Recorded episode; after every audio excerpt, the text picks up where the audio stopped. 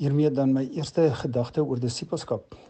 Wat maak jou opgewonde in die lewe? Wat my baie opgewonde maak is dat ek geskep is juis om 'n leerling of 'n disipel van die lewende God te kan wees.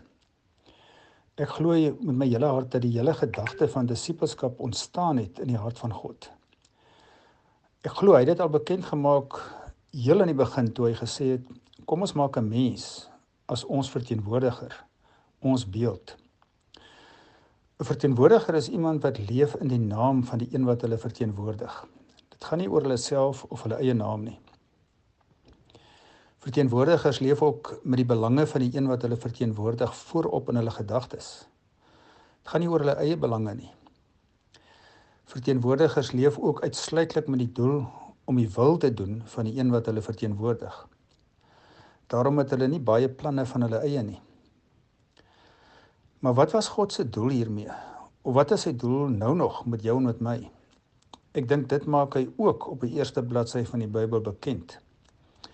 Hy sê hy die mens gemaak sodat hulle saam met hom kan heers oor die skepping. Dis nogal groot. Maar hoe sal die mense dan ooit kan regkry om te kan heers oor die skepping?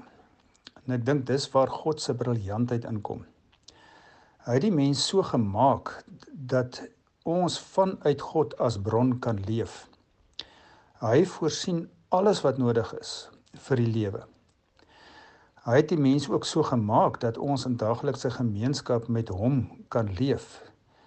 Die mees intelligente, die mees kreatiewe, die mees briljante denkkrag en brein wat bestaan.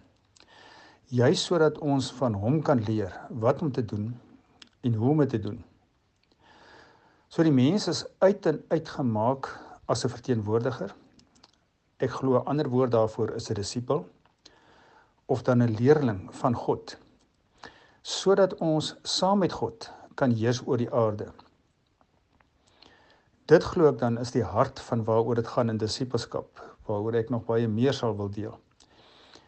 En enige mens wat hierdie geleentheid om 'n leerling te wees van die lewende God afwys of laat verbygaan, dink ek is maar net doodgewoon dom. Want ehm um, dit is daar. Ons kan dit doen. Hoekom dan nie?